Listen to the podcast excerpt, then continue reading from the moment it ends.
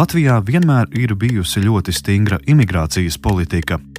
Kad pirms pieciem gadiem Eiropas Savienības vienošanās prasīja uzņemt noteiktu skaitu Eiropas dienvidvalstis pārpludinājušo bēgļu, Latvija uztaisīja tādu sistēmu, ka pat uzņemtajiem patvērumu meklētājiem palikt šeit bija praktiski neiespējami. Tagad šo sistēmu uz savas ādas izbauda Baltkrievi, kuri bēg no Aleksandra Lukašenko represīvā režīma. Par bēgļu likteņiem Latvijā šodien stāstīsim raidījuma atvērtie faili pusstundā. Pirmā daļa - Karzans. Nu, sveiki! Tā ir Karzans. Mēs esam beidzot satikušies virtuāli. Vispār es pilnīgi ir bēdīgs un slikts. Manas laiks. Vispār neesmu priecīgs par pilnīgi par pateikt. Jo tu nejūtos labi, ja tu dabūji piecu gadu, visu laiku ir tu pamēģināji, tu strīdēji, tu, tu pierakstīt vēlreiz iesniegums kaut ko to, un tu redzi, ka tu dabūji visu laiku ir negatīvi. Karzans Ali Abdalkarims nāk no Irākas, Kurdistānas. Pirms vairāk nekā pieciem gadiem Latvijā viņš nokļuva nelegāli. Viņu un vēl apmēram 34 cilvēkus, tā dēvētie valkātāji, pārveda pāri Latvijas-Krievijas robežai. Latvija nebija Karzana mērķis, bet te viņš ir iesprūdis. Par nelegālo ceļojumu Karzans neko daudz nevēlas stāstīt. Tas mērots gan kājām, gan ar auto. Kādā brīdī vedēji likuši no pases izplēst lapas, lai slēptu pārvietošanās ceļu. Ieteikuši melot par ceļojumu maršrutu un neteikt robežsargiem, ka nākuši no Krievijas puses jūs Latviju griežat atpakaļ uz uh, Krieviju, un jums būs lielāka problēma. Jums visiem ir būt cietumā. Tā teikuši vedēji. Karzans pieļauj, ka izplēstās lapas ir viens no iemesliem turpmākajām problēmām, arī melošana par vietu, kur šķērsota robeža. Tiesa, starptautiskie tiesību akti saka, Cilvēkus, kuri mūkuši no nāves draudiem vai spīdzināšanas, nevar sodīt par nelegālu robežas šķērsošanu, un Kārzans apgalvo, ka viņš Irāku pametis tieši nāves draudu dēļ. Piecos Latvijā pavadītajos gados Kārzans ir gana labi apguvis latviešu valodu. Tomēr, lai būtu vieglāk uztvert par viņa iemesliem doties bēgļu gaitās, stāsta Ieva Raubiško, kustības Gribu palīdzēt bēgļiem pārstāve. Sākotnēji viņš bēga no Irākas Kurdistānas, no Sulēmanijas pilsētas precīzāk, kas ir viņa e, izcelsmes vieta, jo viņš dienēja Irākas Kurdistānas militārajos spēkos, sauktos par pešmērga, kā šoferis. Karzans dienesta laikā pildīja dažādus uzdevumus, arī pārvadāja ASV karavīrus. Lai labāk saprastu šīs vienības nozīmi Irākas pēdējo gadu vēsturē, lūdzam komentāru politologam, šī reģiona ekspertam un portāla TVNet žurnālistam Tomam Rātfeldam. Viņš Irāku raksturo kā nestabilu tuvo austrumu reģionu. Savukārt Kurdistāna ir autonoms Irākas reģions, un tās militārā rota Pešmerga ir nozīmīgs ierocis cīņā ar terorismu. Pešmerga ir bijusi visefektīvākais spēks uh, Irākā vismaz sākotnējā posmā, kad uh, norisinājās um, Islāma valsts krīze. Uh, tad Pešmerga bija um, tieši tā, uz ko amerikāņi lika diezgan lielu paļāvību, ka Pešmerga varētu arī pretoties Islāma valstī. 2014. gadā, kad Sīrijā notika pilsoņu karš, teroristiskais grupējums Islāma valsts no Sīrijas iebruka kaimiņu valstī Irākā. ASV finansētā Irākas armija diezgan ātri sabruka un sadalījās. Bija pat viena brīdī eh, bažas, ka Islāma valsts varētu ieņemt arī Irākas galvaspilsētu Bagdādi. Bet Pešmerga tajā brīdī turējās un spēja atvairīt uh, Islāma valsts arī virzību tālāk uz Kurdistānas autonomu apgabalu. Un tad pēc tam arī attiecīgi palīdzēja dzīt ārā ISIS no, no Irākas teritorijas. Lai gan Islāma valsts teritoriāli Irākā ir sakauta, atsevišķas teroristu šūniņas turpina operēt. Un līdz to tu īsti nevari justies pasargāts, nu, kā teiksim, mēs Latvijā, mēs varam justies pasargāts no tā, ka mēs iziesim uz ielas un mēs zinām, ka, teiksim, ne, nebūs nekāds sprādzieni vai, vai, vai apšaudas, vai kas tam līdzīgs. Un tad Kurstānā, diemžēl, tādu sajūtu mēs īsti nevaram sagaidīt, jo tur tomēr ir cilvēki, kas vēl vienu operē, nu, tā teikt, nos no valdības acīm, un tomēr veic šādu uzbrukumus.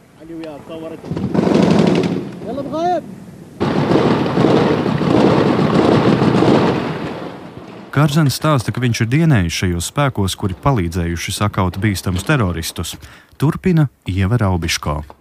Un 2015. gada vasarā kādā neveiksmīgā sadursmē Islāma valsts kaujiniekiem uzbrukot Kārzena vienībai, daļa karavīri tika nogalināti, Kārzens ar dažiem saviem biedriem izglābās, viņam izdevās izglābties, bet, diemžēl, sadursmes norises vietā palika viņa personīgās lietas, kas ļāva vēlāk Islāma valsts kaujiniekiem identificēt viņu un sākt izteikt viņam nāves draudus. Un ne tikai viņam, bet arī viņa ģimenes locekļiem. Pēc Ievas Raubiško stāstītā draudus Kārzens saņēmis regulāri. Islāma valsts kaujinieki vēlējās, lai Kārzens ziņotu par pešmergu un to sabiedroto atrašanās vietām un arī pārvietošanos. Ģimene sākotnēji bēguļojusi Irākā. Neveiksmīgi bija arī šīs ģimenes vēršanās pie vietējām tiesību sargājušām iestādēm, lai gūtu kaut kādu aizsardzību. Tāpēc uh, situācija bija tiešām nopietna, un bēgļu gaitās bija spiests doties arī Kārzena brālis, ar kuru gribēja izreikināties pašu Kārzena vietā. Bailes no teroristiem bijis iemesls, kāpēc Kārzens muka no valsts. Tā kā viņš nav skrējis meklēt labu dzīvi, viņš arī ir teicis, ka viņa, nebija, viņa ģimene nebija no tām nabadzīgākajām Irākā, bet uh, viņa ģimene, diemžēl, skāra ļoti tieši grupēm Islāma valsts darbība Irākā un konkrētāk Irākas Kurdistānā tajā brīdī. Vēl viens iemesls baidīties ir tas, ka Karzans patvaļīgi pēc Islāma valsts uzbrukuma pameta militāros spēkus. Faktiski dezertēja. Vēl ir ļoti būtiski tas, ka cilvēkiem, kas pamet dienestu Irākā šādā pēkšņā veidā faktiski aiziet no dienesta, tiem par to draudz cietumsots. Tā kā Karzans ir arī spiests rēķināties ar šo risku. Uzklausot Karzana stāstu, šķiet saprotami, kāpēc viņš no dzimtenes ir aizmucis, un liekas, ka patvērums viņam būtu jādod. Taču tā nav noticis. Kārzans Latvijā dzīvo vairāk nekā piecus gadus, un viņa status ir ārzemnieks, kurš nelikumīgi uzturas Latvijā. Tu gribi strādāt, nedrīkst. Tu gribi, piemēram, precējies arī nedrīkst. Pilsonības un migrācijas lietu pārvalde Karzanam ir atteikusi gan bēgļa, gan alternatīvo statusu. Pēc tam sekoja garas tiesāšanās, kurās apstrīdēta gan statusa nepiešķiršana, gan izbraukšanas rīkojums. Taču arī tiesas lēma par sliktu Kārzanam. Turklāt tiesvedību laikā tapa viņam nelabvēlīgs psihiatru atzinums, ka posttraumatiskais sindroms, no kura vīrietis cieš, nav nopietns un simptomi tiek pārspīlēti. Tiesvedībai pa vidu Kārzans vēl devās uz Irākas vēstniecību Vācijā, lai lūgtu izsniegt derīgu pasi. Taču arī te viņam nav veicies. Kopš vizītes pagājuši gandrīz četri gadi, bet atbildes un pases nav. Kāpēc paša valsts vēstniecība neatbild, Karzanam nav skaidrs. Juristi pieļauj, varbūt tāpēc, ka viņš nāk no autonomā Kurdistānas reģiona. Visā Karzana stāstā pirms diviem gadiem parādījās neliela cerība. 2019. gadā Latvijā ieradās puisis no tā paša reģiona un dažu mēnešu laikā saņēma alternatīvo statusu. Latvijas iestādes atzina, ka šajā pilsētā, no kuras nāk arī Kārzans, situācija ir nedroša. Mēs simtreiz spēlējam kopā, no, no, no futbols, kaut ko tāds skriešanas no pie mūsu vērja, kā, kur mēs dzīvojam. Un viņš ir tad dabūjot uh, pa pieci mēneši. Tautieša pieredzes iedvesmots Karzans atkārtot vērsās ar lūgumu piešķirt patvērumu.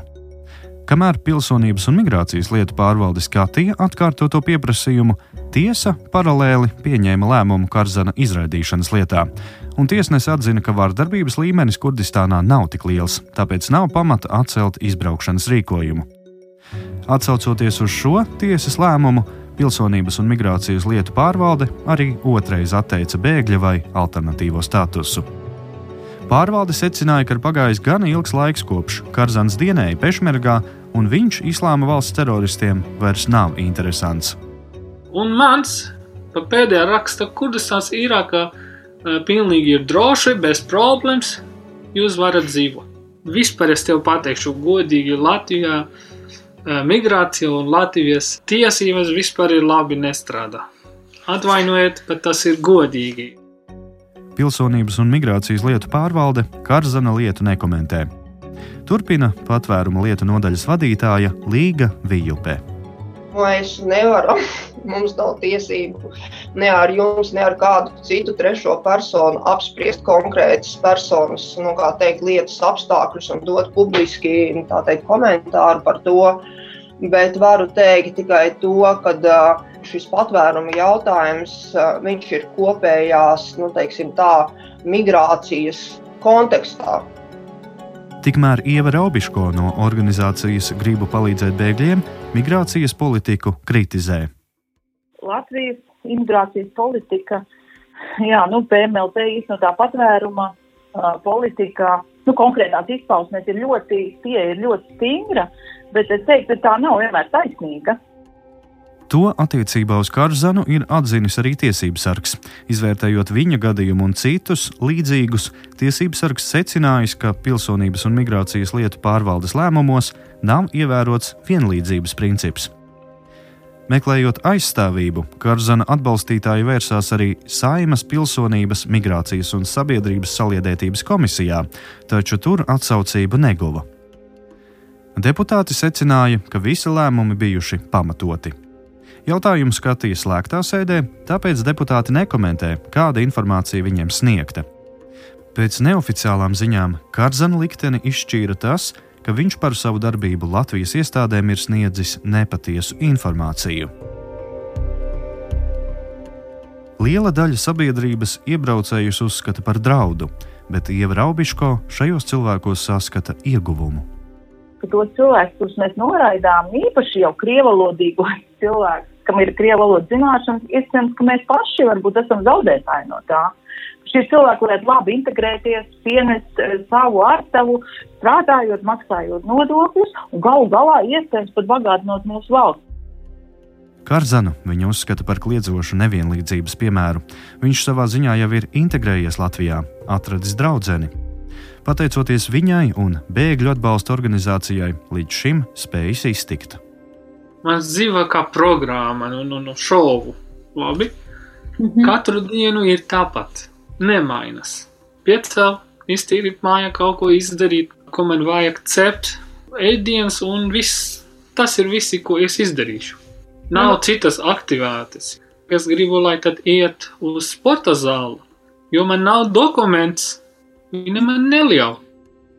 Karzana stāsts vēl nav beidzies. Atkārtotā patvēruma atteikumu atkal vērtēs tiesa. Taču nav arī skaidrs, kā viņu izraidīs no Latvijas, ja līdz tam nonāks, jo Karzanam nav pases.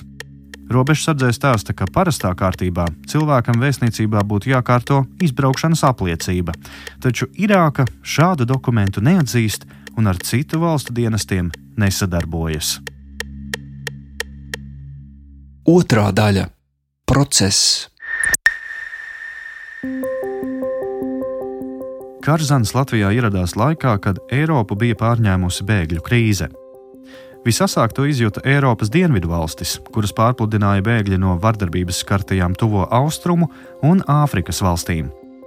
Lai Dienvidu Eiropas situāciju atvieglotu, Eiropas Savienība izveidoja bēgļu pārvietošanas programmu.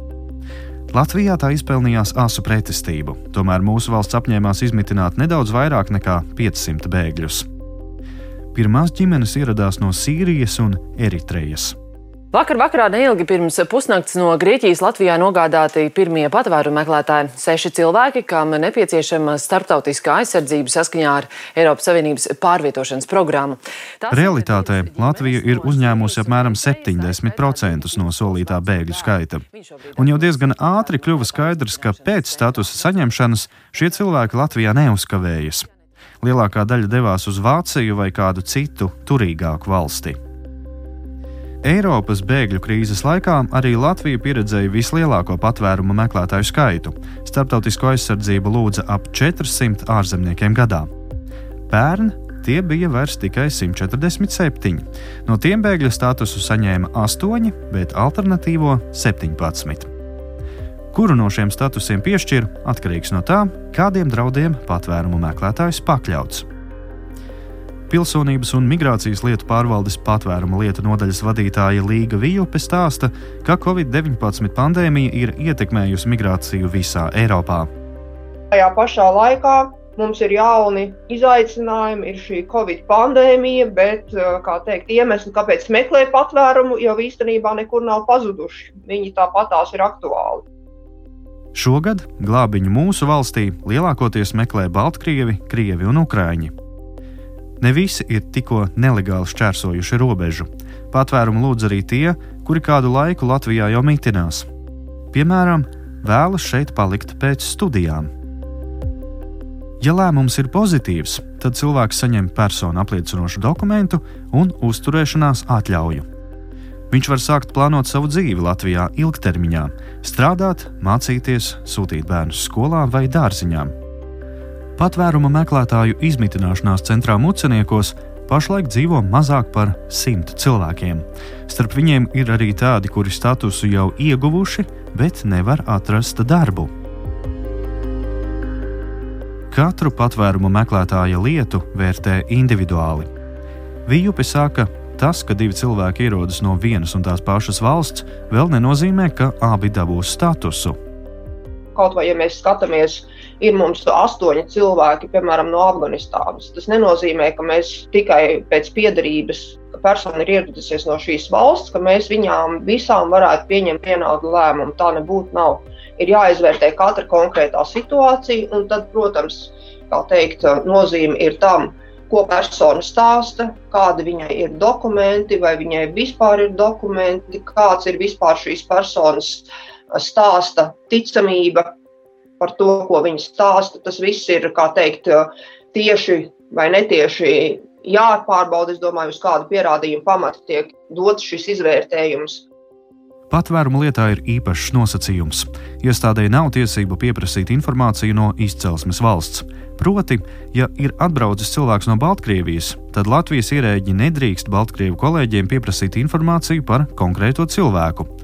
Tāpēc balstās uz netiešiem pierādījumiem, dažādu organizāciju savākto informāciju. Obligāts nosacījums patvērumu meklētājiem ir sniegt visu informāciju, nemelot. Un tātad tas ir tāds tā kā apusējs darbs starp cilvēku un iestādi, lai noskaidrotu šo patiesību.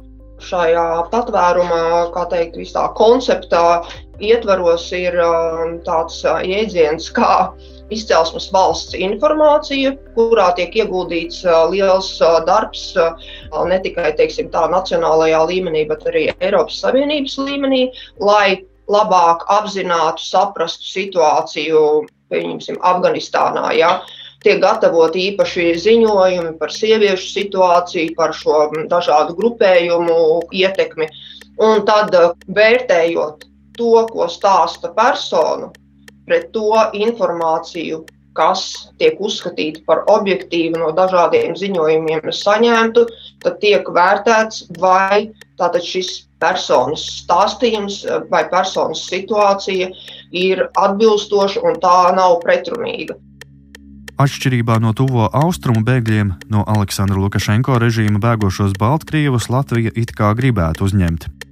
Tomēr patvērumu meklētāju sistēma rada šķēršļus arī viņiem. Trešā daļa - Baltkrievi.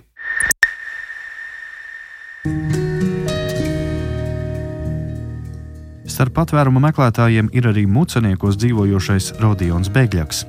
Viņa paša pieredze gan ir salīdzinoši veiksmīga. 33 gadus vecais Baltkrievs ir skolojies Amerikā un ilgu laiku strādājis starptautiskā biznesa konsultantu uzņēmumā Krievijā taču pagājušā gada vasara Rodiona dzīvi sagrieza kājām gaisā. Nu, kad августе эта вся штука началась, Kad augustā visa tā lieta sākās, es nolēmu, ka man ir jādodas balsot, jo vēlēšanas mums visu laiku tiek viltotas. Baltkrievi bija izstrādājuši alternatīvu vēlēšanās nodoto balsu skaitīšanas programmu. Tā darbojās vienkārši. Vēlētājiem balsošanas kabīnē bija jānofotografē biļetens, un, izmantojot saziņas vietni Telegraph, tas jānosūta programmas izstrādātājiem. Lukašenko varai šāda patvaļa nepatika. Tā sāka cilvēkus iebiedēt, bet Baltkrievijas vēstniecības paziņoja, ka drošības apsvērumu dēļ mobilos telefonus tajās nedrīkst ienest. Поэтому, получается, проголосовать в России Tāpēc sanāk, ka bija neiespējami nobalsot vēstniecībā Krievijā, lai tavu balsi pieskaitītu neatkarīgajā programmā. Rodionam dzimtenē bija arī citas lietas kārtojamas. Вот я решил, ну почему бы не съездить э, заодно и... Nolēma aizbraukt, lai pie viena arī nobalsot un pārliecinātos, ka mana balss pret Lukašenko tiktu ieskaitīta. Alternatīvās balsu skaitīšanas programmas dati rādīja, ka par Svetlanu Tihanovsku nobalsojuši 80% vēlētāju, taču par uzvarētāju sevi pasludināja Lukašenko.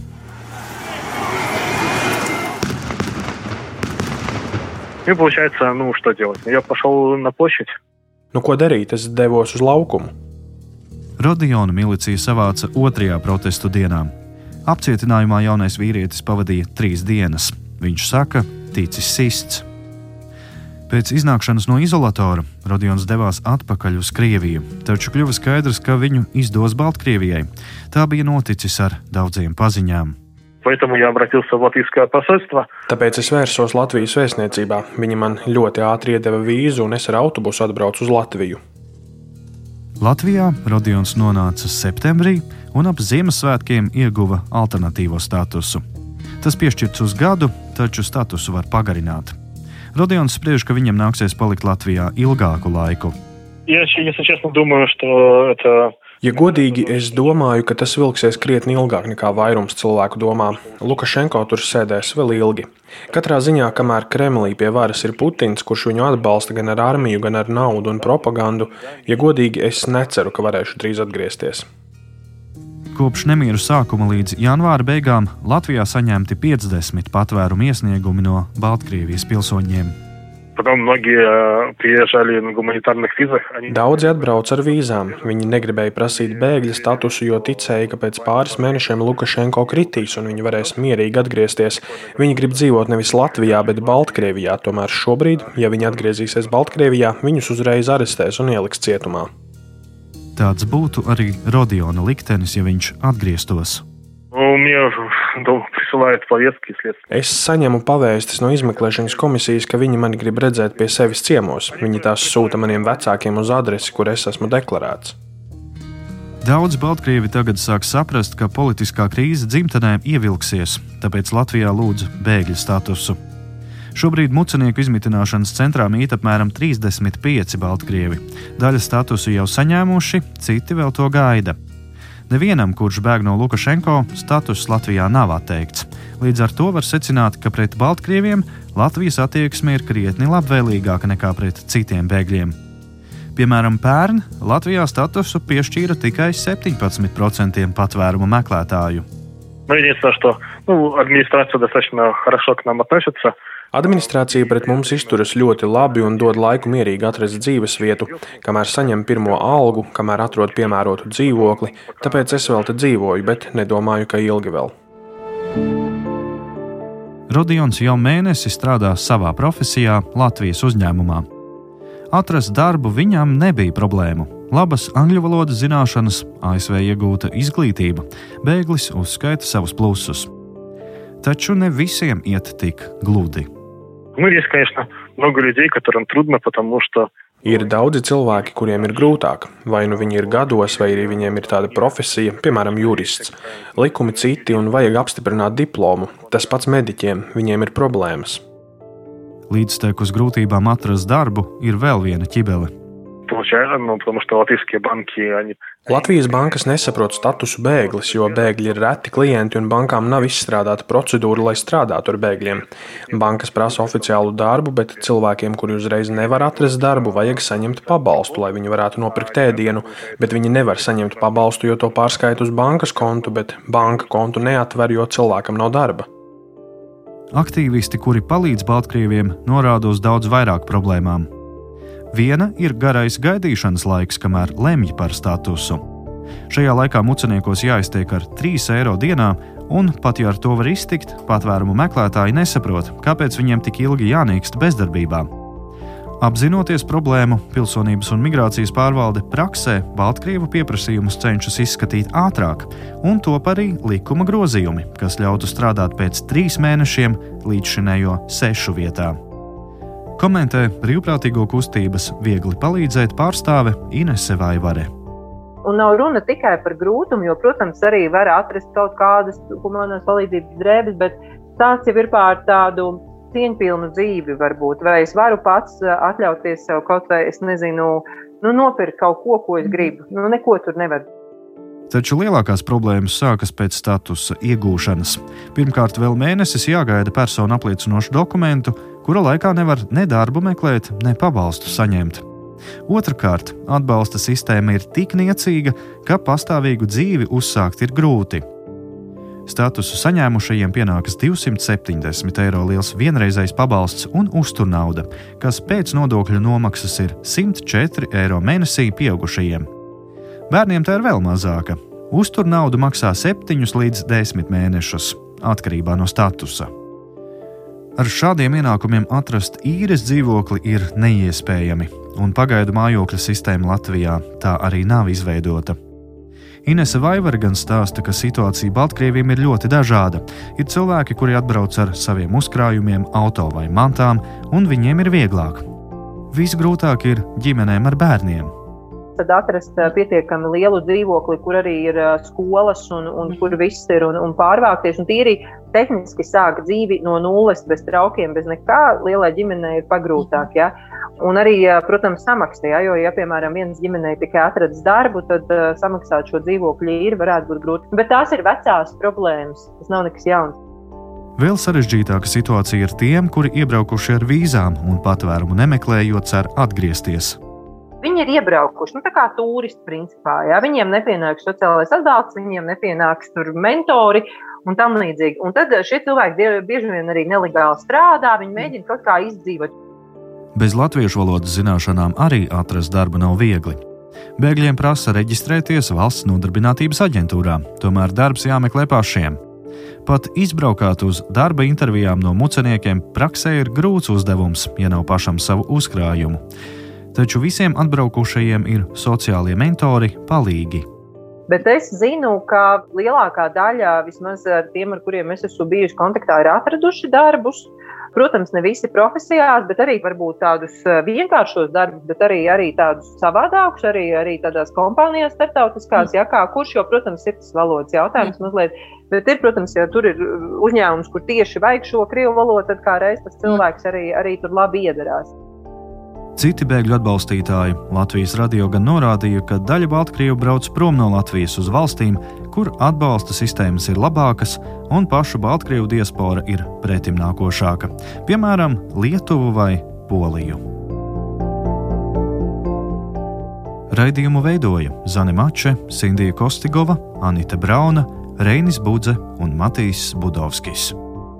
Atvērtie faili!